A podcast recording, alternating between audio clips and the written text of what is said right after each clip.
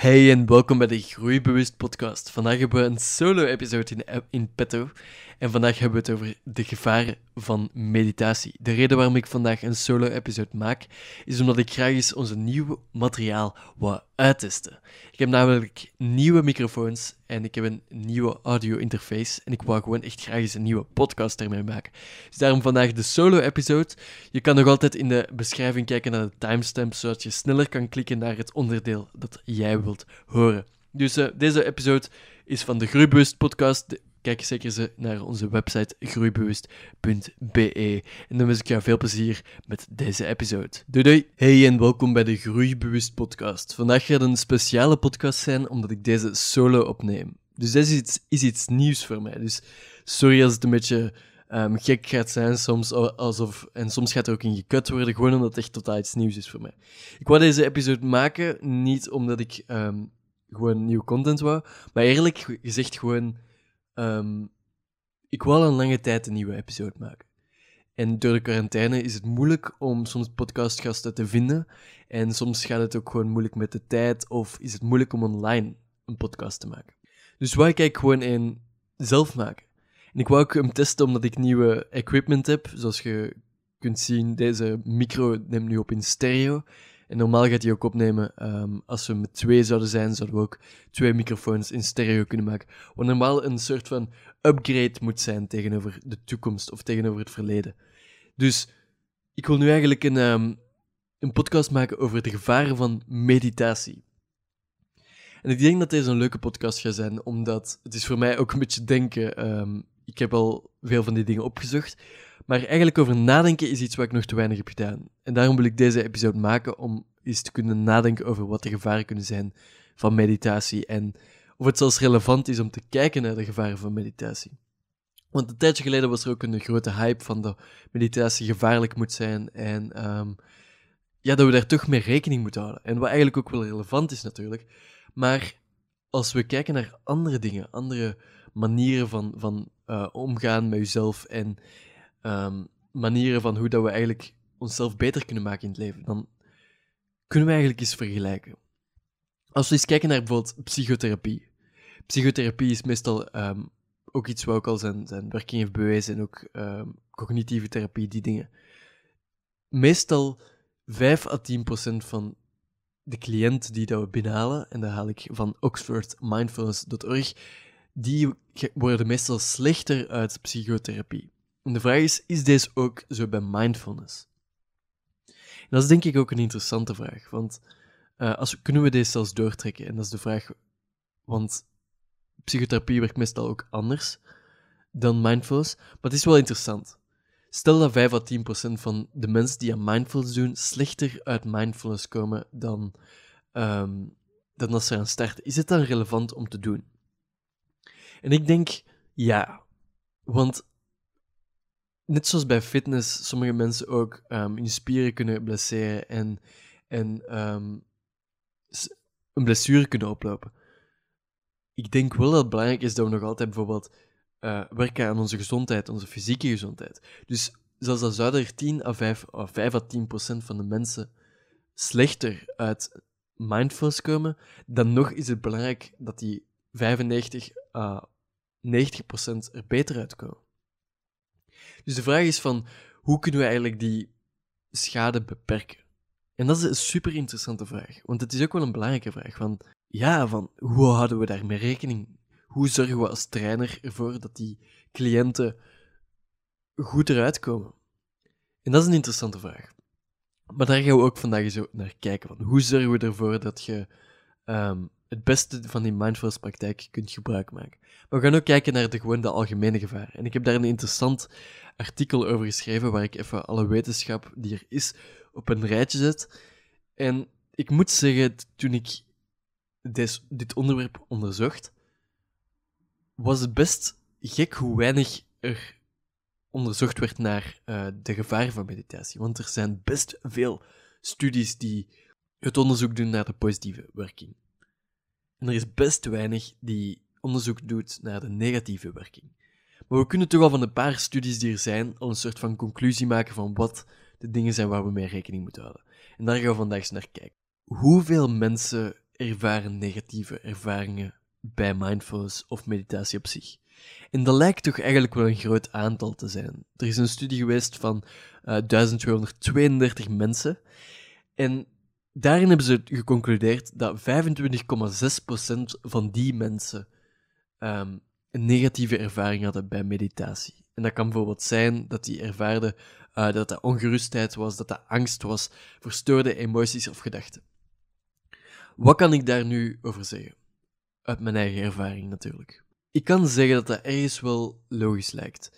Um, los van het feit of dat meditatie dat nu veroorzaakt.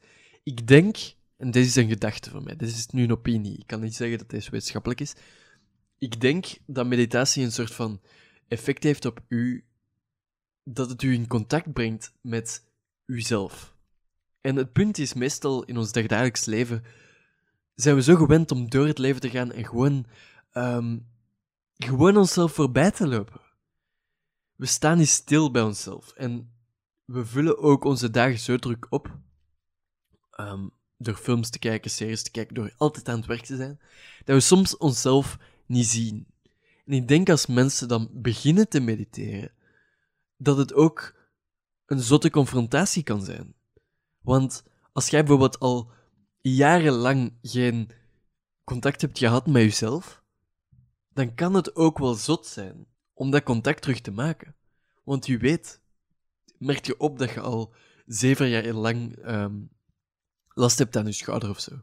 En het punt is, als we dat normaal ehm, aan de kant werken door bijvoorbeeld te drinken of uit te gaan of al die dingen gewoon om te maskeren wat er in onszelf aan de hand is, dan merken we het eigenlijk gewoon niet op. En ik denk van vanaf, vanaf dat we mediteren, dat we in contact komen daarmee. En dat dat een hele schok kan zijn. Daarom dat ik denk dat meditatie voor veel mensen in het begin moeilijk is. Want die confrontatie kan zo groot zijn. Wat ik denk, en ik weet niet of dat, dat wetenschappelijk waar is, is dat het beter wordt met de tijd. En ik denk dat wetenschap dat eigenlijk een beetje tegensprak, want in die studie met uh, eh, 1232 participanten vonden ze wel dat het ook uh, mediteerders waren die al lange tijd ervaring hadden, um, die ook negatieve effecten ervoeren. Maar interessant aan die studie was dat er geen uh, mensen waren die zeiden van ik heb deze bijvoorbeeld tien jaar geleden meegemaakt of ik heb het twee weken geleden meegemaakt. Dus dat was niet aanwezig in de studie. Dat is dus ook waarom het een vertekend beeld kan geven. Maar dus ik denk wel dat er, er zijn negatieve ervaringen met meditatie. En we moeten daarmee rekening houden. Ik denk dat veel mensen het gevoel hebben wanneer, dat ze, um, wanneer ze over een meditatie nadenken en starten met meditatie, dat deze iets heel rooskleurig is. Je gaat zitten op je kussen en je komt er vandaan met een, een heel positief effect. Maar dat is niet het geval. Uh, meestal als je gaat zitten, heb je een hele confrontatie met jezelf. En soms kan het echt moeilijke meditaties zijn. Maar tegelijkertijd is dat ook het mooie, want je komt in contact met jezelf en je leert jezelf appreciëren voor wie je bent. Je leert jezelf niet maskeren of verbloemen of zo. Je leert echt gewoon zitten met wie je bent. En dat kan soms zo moeilijk zijn. Maar ik zweer het je, als je eruit geraakt, is het zo mooi. En daarom raad ik ook mensen aan om het gewoon te proberen, man ik denk dat er zoveel positieve effecten zijn. En ik ga die er even bij halen op mijn website. Zoals lichamelijk bijvoorbeeld, um, zeggen ze in meditatie dat het ook een, een betere immuniteit veroorzaakt. Bijvoorbeeld, was een studie waar dat ze mensen inspoten met een griep of een verkoudheid, ik weet niet meer exact. En wat bleek is dat de mensen die regelmatig mediteerden, uh, 30, nee, wat zeg ik, um, minder snel ziek werden. En dat is ook wel positief. Je kunt zien dat het ook wel lichamelijke effecten heeft. Het vermindert ook stress. Mindfulness meditatie heeft een heel groot effect op het stressgehalte, dus dat is echt positief. Het heeft ook meer uh, positiviteit op geluk. En hier wil ik nog wat meer onderzoek naar doen, omdat ik vind dat, deze, uh, dat ik deze nog niet goed genoeg heb onderzocht. Maar dus blijkbaar ook, we hebben meestal als we door ons dagelijks leven gaan, hebben we meestal vaak dat we in droomstaat gaan. En dit is een belangrijke staat. We, we staan gewoon bij een bushalte en we dromen over, we dagdromen. Maar het punt is, meestal bij die droomstaat, is dat er ook heel veel negatieve gedachten zijn en negatieve herinneringen die terug naar boven komen. En meditatie kan ervoor zorgen dat we soms uit die negatieve herinnering kunnen stappen. Dus eigenlijk, als we dan in die droomstaat zitten, kunnen we beginnen sneller opmerken van, is deze negatieve gedachte? Ja? Oké, dan stappen we uit. Is het geen negatieve gedachte? Oké, cool. Dan kunnen we verder gaan in die droomstaat.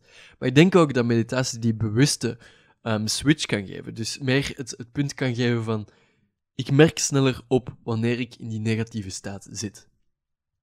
Dus het gaat niet altijd over, we mogen ook negatieve dingen denken, maar de vraag is, is deze het juiste moment en um, kan ik hier nu mee omgaan? Dus meditatie helpt zo om bewuster die keuze te maken. Dus dat zijn even een paar voorbeelden van um, hoe meditatie een positief effect kan hebben. En ik ga ook in de beschrijving even plaatsen waar dat je al die dingen kunt vinden, zodat je daar ook eens naar kunt kijken naar wat ik bedoel. Als je wilt mediteren, wat is de beste meditatie om te doen? En hoe kun je ervoor zorgen dat je zo weinig mogelijk negatieve effecten ervaart? Wel, in dat onderzoek met die 1200 uh, mensen hebben ze gevonden dat er zijn constructieve en negatieve meditaties. En wat blijkt is dat de mindfulness meditaties een van de meest constructieve zijn, dus, en de liefdevolle vriendelijkheidsmeditaties, die hebben het beste effect en zorgen voor de minste negatieve effecten. Dus als je wilt beginnen met mediteren, is het best dat je die ook even opzoekt. Dan kun je daarmee starten. Wat het meeste negatieve effecten had, was ademfocus. Heel veel focus op je adem. En ook gewoon de meer de, de transcendale meditaties. Die hadden meer de negatieve effecten. En ook iets interessants wat ik vond in de studie was dat er ook heel veel negatieve effecten uh, voorkwamen in retraites. ik moet zeggen, ik ben nu twee keer op um, retraite geweest. Eén ervan was een soft retraite, één, één ervan was een hard retraite. Dat betekent, um, één ervan had ik de keuze om te zwijgen en kon ik gewoon doen wat ik wou, kon spreken, ik kon, ik kon rondlopen, ik kon niet gaan mediteren als ik wou. Bij de andere moest ik aanwezig zijn in elke meditatie. En moest ik ook bijvoorbeeld 40 minuten lang in een bepaalde houding zitten. Dus dat is ook een verschil van retraites. Ik denk bijvoorbeeld bepaalde retraites, de hard retraites, kunnen heel negatieve effecten geven. Maar ze kunnen ook juist de meest positieve effecten geven. Dus het is eigenlijk zo'n soort van... Um, stel je zou investeren in de beurs, en ik maak even een andere vergelijking. Dus als jij veel winst wilt maken, dan moet je investeren soms in um, risicovolle aandelen. Wilt jij op lange termijn veiliger zijn, dan kiest je voor een veiliger aandeel om in te investeren. En hetzelfde is met meditatie en retraites. Als jij voor een hard retraite gaat, kun je heel veel resultaat boeken op korte termijn. Ze gaan je 14 per dag laten mediteren. Je gaat in dezelfde houding blijven zitten voor 40 minuten per meditatie. Maar het effect ervan en de training die je gaat ervaren achteraf, en geloof mij, ik heb het ervaren na tien, een tiendaagse retraite, is fenomenaal. Het is gewoon zot. Je komt jezelf tegen. Maar tegelijkertijd kan het ook jezelf breken. Dus ik denk het gevaar ervan is dat veel mensen geen psychologische hulp of de juiste psychologische hulp krijgen in die retraites. Dus zoek een retraite die bij je past. Dus dat is ook een belangrijke insteek. En dan nog iets interessants wat ik vond was um, te veel van het goede. Er is dus een uh, interessante theorie van Jurgensen-Detson, de wet van optimale arousal. En die voorspelt eigenlijk dat een, een bepaalde. Ik zoek altijd het juiste woord ervoor. Een bepaalde aanpak een, een positief effect kan hebben. En de vraag is tot welke mate kan die aanpak een positief effect hebben. En dan zien we eigenlijk in die curve dat te weinig aanpak uh, heeft weinig impact en te veel aanpak heeft, heeft een negatieve impact. En we zitten in het midden, zitten we met het punt van dit is de ideale manier van aanpak. En de vraag is, wat is dat? En daar heb ik eigenlijk niks over gevonden. De wetenschap zegt, sommige, sommige artikels zeggen 20 minuten is, is de maximaal. Sommige minuten zeggen 40 minuten. Vanaf 40 minuten ervaar je het meeste positieve effecten. Sommigen zeggen vanaf 40 minuten ervaar je het meeste negatieve effecten. Wat is het? En dat weet ik niet. Als mindfulness trainer zijn we daar, um, kan ik daar alleen het advies geven van zoek het uit voor jezelf. Test uit wat een te veel is aan negatieve meditatie voor u en wat te weinig is. Ga eens op, die, op dat kussen zitten en zoek het uit. Is 10 minuten te veel? Cool, stop er dan mee. En ga terug naar die 5 minuten of zo. Is... Maar soms is het ook wel interessant. Want als we teruggaan naar um, het eerste, het eerste wat ik zei was de. Soms is die confrontatie goed. En ook hier denk ik dat het belangrijk is dat we zien wanneer ehm, meditatie en de confrontatie een goed effect kan hebben. En ik denk als we onszelf nooit confronteren met wat we meemaken en onze eigen geest, gaan we er ook niet door geraken. Soms is het nodig om even die grote stap te zetten en bij je geest te blijven. En dat kan pijn doen, dat kan fysiek pijn doen, dat kan mentaal pijn doen. De vraag is van, hoeveel kunnen we aan? Daarom raad ik aan het rustig op te bouwen. Als jij nog nooit hebt gemediteerd, start met twee minuten, maar blijf wel in die confrontatie met die twee minuten. En bouw het zo geleidelijk op, want het is belangrijk dat als hoe meer we het opbouwen, je kunt ook zien in de, um, er is zo'n een interessante um, interessante foto over de comfortzone. We hebben in de comfortzone, wanneer we in de comfortzone zitten, hebben we een soort van gradatie waarin dat we ons goed voelen.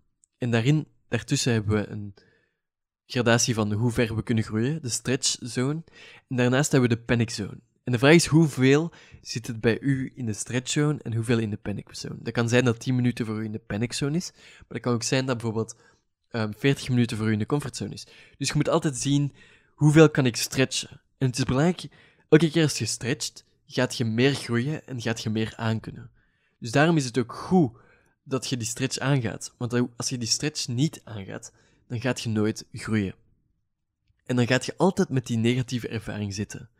En ik ga ook een, een punt zeggen van, um, ik weet nog een lange tijd dat ik het moeilijk had met meditatie en mijn lichaam.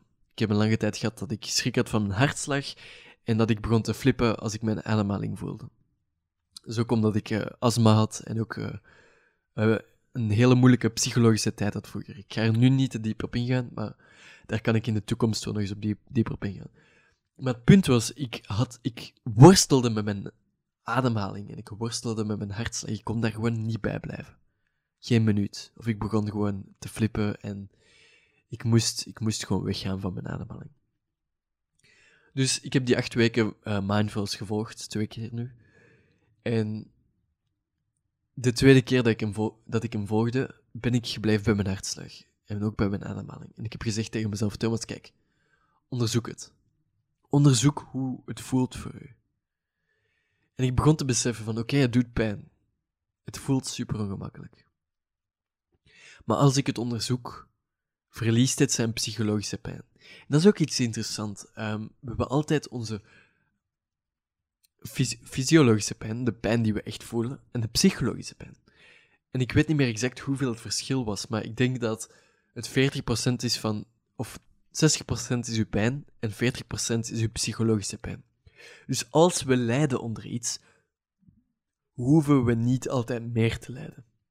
We kunnen onszelf afvragen hoeveel pijn is noodzakelijk? En de vraag is van, hoe, bij hoeveel pijn kunnen we blijven? En dat is iets heel interessants om, om na te denken over. Maar daarnaast hebben we ook nog iets anders, van uh, meditatie en een paar, paar gevaarlijke dingen. Deze is trouwens niet onderzocht en deze is hypothetisch. Deze zeg ik ook in mijn artikel. Um, Meditatie staat in verband met uh, dus het observerend gewaarzijn, is dus wanneer we kijken naar ons lichaam. En wanneer kijken zonder eigenlijk in te grijpen, zonder te oordelen over wat we aan het doen zijn. Een punt is wanneer we een sterk observerend gewaarzijn hebben, dan zorgt dat er eigenlijk voor dat, dat er heel veel positieve effecten zijn. We kunnen die afstand nemen. Maar te veel interne focus staat ook in verband met bijvoorbeeld verdriet en traumatische herinneringen die naar boven kunnen komen. Maar het kan ook uh, in verband staan met bijvoorbeeld, we hebben emotieregulatie.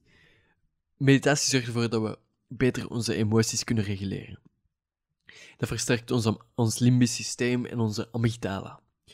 Geloof mij, ik, ik weet zelf niet 100% zeker waarover ik spreek, maar ik kan wel spreken vanuit de wetenschap. Dus ik probeer te zeggen wat ik weet en ik wil mezelf hier nog in verdiepen, maar ik ben niet, geen kenner op het vlak van hersendeel. Maar ik wel mijn best doen.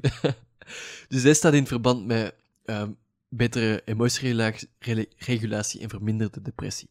Maar vanaf dat je limbisch systeem en je amygdala ook versterkt is, staat ook in verband met te veel emotionele controle en emotionele dissociatie. Wat betekent dat? Wel, dat betekent eigenlijk van um, vanaf dat deze sterk is, kunnen we zeggen van oké, ik wil deze emotie niet voelen, ik ga ervan weg. En omdat we die afstand makkelijker kunnen nemen, kan het ook zijn dat we te veel afstand nemen van die emotie, waardoor we eigenlijk een soort van. Maar ik ga het noemen een verborgen, een soort van gevoel dat niet aanwezig is. Een numb gevoel. Als we te sterke emotionele regulatie hebben, dan gaan we weg van dat gevoel. En is dat iets negatief? De vraag is. Ik denk, het antwoord denk ik nee. Het kan zijn dat bij sommige mensen te veel wordt gedaan. En ik zie mezelf bij meditatie ook soms die fouten maken. Maar daarom is het belangrijk dat je soms ook een, iemand zoekt die je kan ondersteunen in het proces. Ik denk dat het gevaarlijk is als in zelfontwikkeling om het proces volledig alleen aan te gaan. En ik zie mezelf hier vaak ook invallen.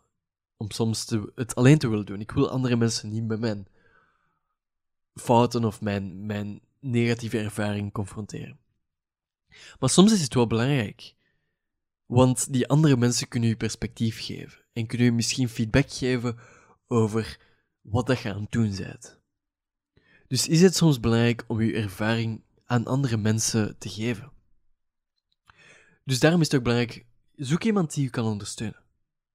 En zoek iemand die het waard is om u te ondersteunen. En geloof mij, niet iedereen is het waard om uw verhaal te horen. Maar er zijn heel veel mensen die bereid zijn om naar u te luisteren. Zoek die mensen. Desnoods, je kunt zelfs professionele hulp hierbij inschakelen. Ik weet het, tijdens coronatijd is dit moeilijk, maar tijdens coronatijd is het dubbel zo belangrijk. Omdat tijdens corona zo geneigd zijn om op onszelf te zijn. Het is moeilijker om met onze vrienden in contact te komen. En het is moeilijker om een gesprek aan te gaan. We kunnen ook makkelijker in die alleenheid en depressie vallen. Maar daarom is het juist belangrijker om die contact op te zoeken. Ik raad aan om, als de coronatijd voorbij is, bijvoorbeeld mindfulness training te volgen. Ik heb het zelf al een paar keer gedaan en het is echt wel de moeite. Er zijn heel veel verschillende trainers die hier goed mee bezig zijn. Ik zelf ben het nog aan het opstarten, maar er zijn heel veel trainers die er mee bezig zijn. Ik heb verschillende mensen die ik kan aanraden. Ik zal er ook een paar verwijzen in de beschrijving, die echt de moeite zijn om te volgen. Dus als je aan het worstelen bent om hiermee te beginnen en je zoekt iemand om je te begeleiden, er zijn verschillende professionele mensen die hiermee kunnen werken. En ik ga die doorsturen in de beschrijving. Daarnaast is er nog een belangrijk ding dat ik wou zeggen.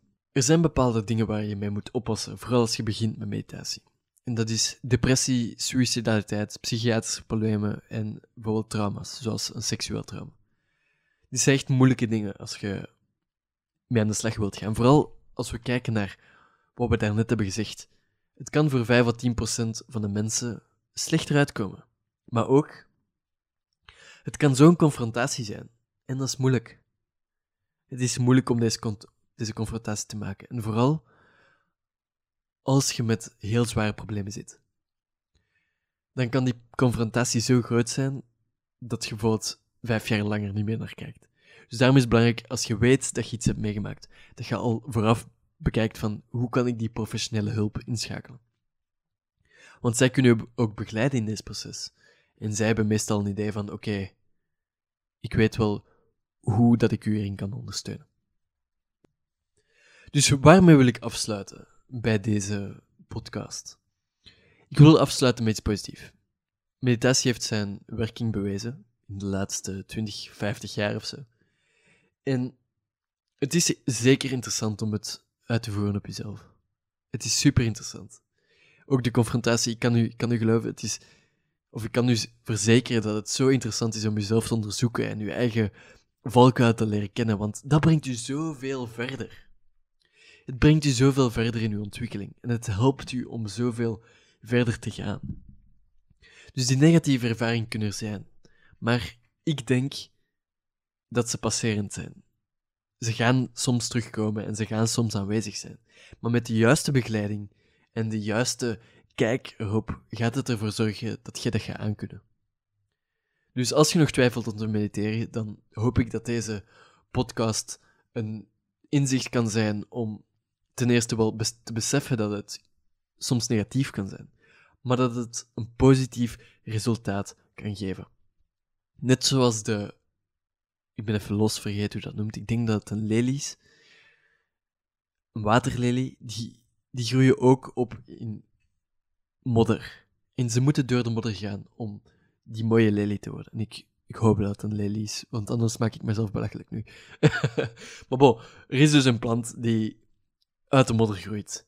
En die modder staat symbool voor uw negatieve ervaring en uw geest. We moeten door die negatieve geest om een positieve ervaring te krijgen. En dat is ook een deel van zelfontwikkeling. We moeten in contact komen met die negativiteit en zelf leren observeren wat onze negatieve kanten zijn en ook daar vrede mee leren sluiten. Zodat we verder kunnen ermee. En uh, ik zie dat deze podcast nu 26 minuten lang is. Um, ik vond het cool. Ik vond het cool om zelf eentje op te nemen. Ik denk dat ik het vaker ga doen. Um, maar dan moet ik gewoon wat meer research doen. Maar binnenkort ga je meer uh, podcasts horen met andere mensen. Dat gaat super cool zijn. Ik heb al een paar uh, contacten afgesproken. Ik denk dat ik morgen nog eentje met een vriend ga opnemen. Maar vooral gaan we nu tijdens de corona ook van afstand in opnemen. Dus dat gaat iets, een klein effect hebben op de audio-kwaliteit. Maar het gaat ook wel super cool zijn. En er gaan super coole informatie komen over zelfontwikkeling. Dus als je bereid bent om meer te horen, abonneer dan zeker. En dan kunnen we zeker nog eens. Uh, kunt je zeker meer luisteren. Als je trouwens loopt terwijl, terwijl je deze podcast luistert, super cool. En uh, ja, als je het tot het einde hebt gemaakt, plaats dan in de beschrijving appel of zo. Appel, dan kan iedereen zien dat jij tot het einde zegt geraakt. Dus plaats die appel in de comments.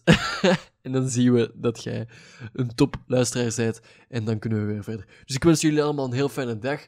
Uh, jullie zien binnenkort meer van mij. En dan zie ik jullie later. Veel succes en bedankt om te luisteren naar de Groeibewust podcast. Neem ook een kijkje op onze website groeibewust.be. Vond je deze podcast leuk? Laat dan zeker ook een like en ook een, een comment. En misschien ook stuur ook eens naar ons wat je meer in de toekomst wilt zien. Want dan kunnen wij daar rekening mee houden. Dus veel plezier en zie jullie later. Doei!